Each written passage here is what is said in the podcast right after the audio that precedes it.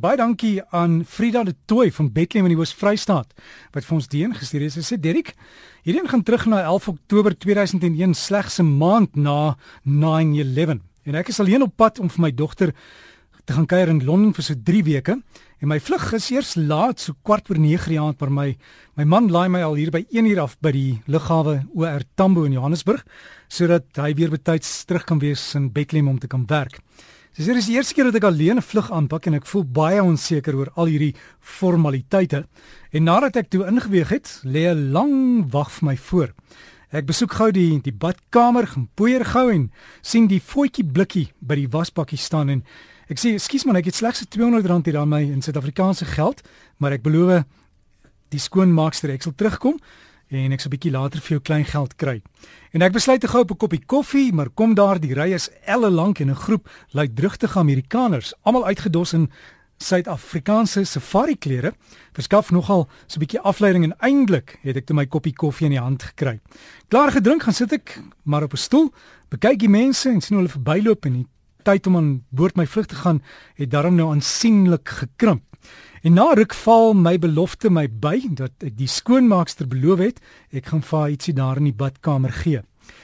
Ek stap toe soontoe, het klein geld gekry en dadelik toe die dame my sien, hou sy iets na my toe uit met die woorde: "Are these yours?"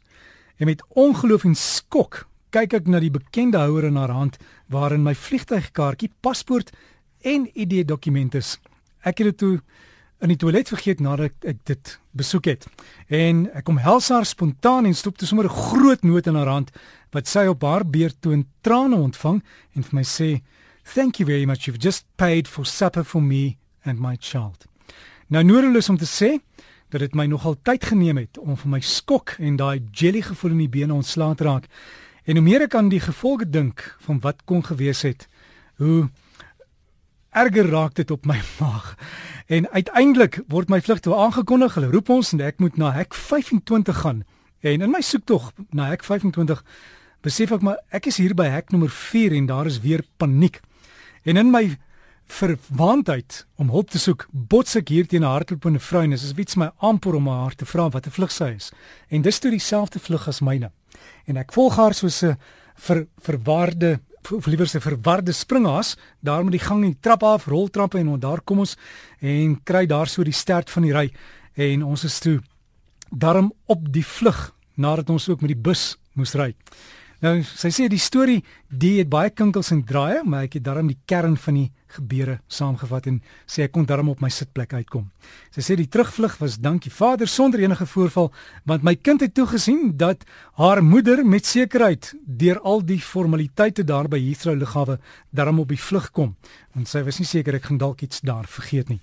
Sy sê dit was lekker om weer terug te wees in Suid-Afrika. Die lang brief het ek toe gekry van Frida de Tooi in Bethlehem daar in die Oos-Vrystaat. So dankie, Frida. Ja, toeval. Ons sê altyd so ding soos toeval nie, né? Nee. Of is daar?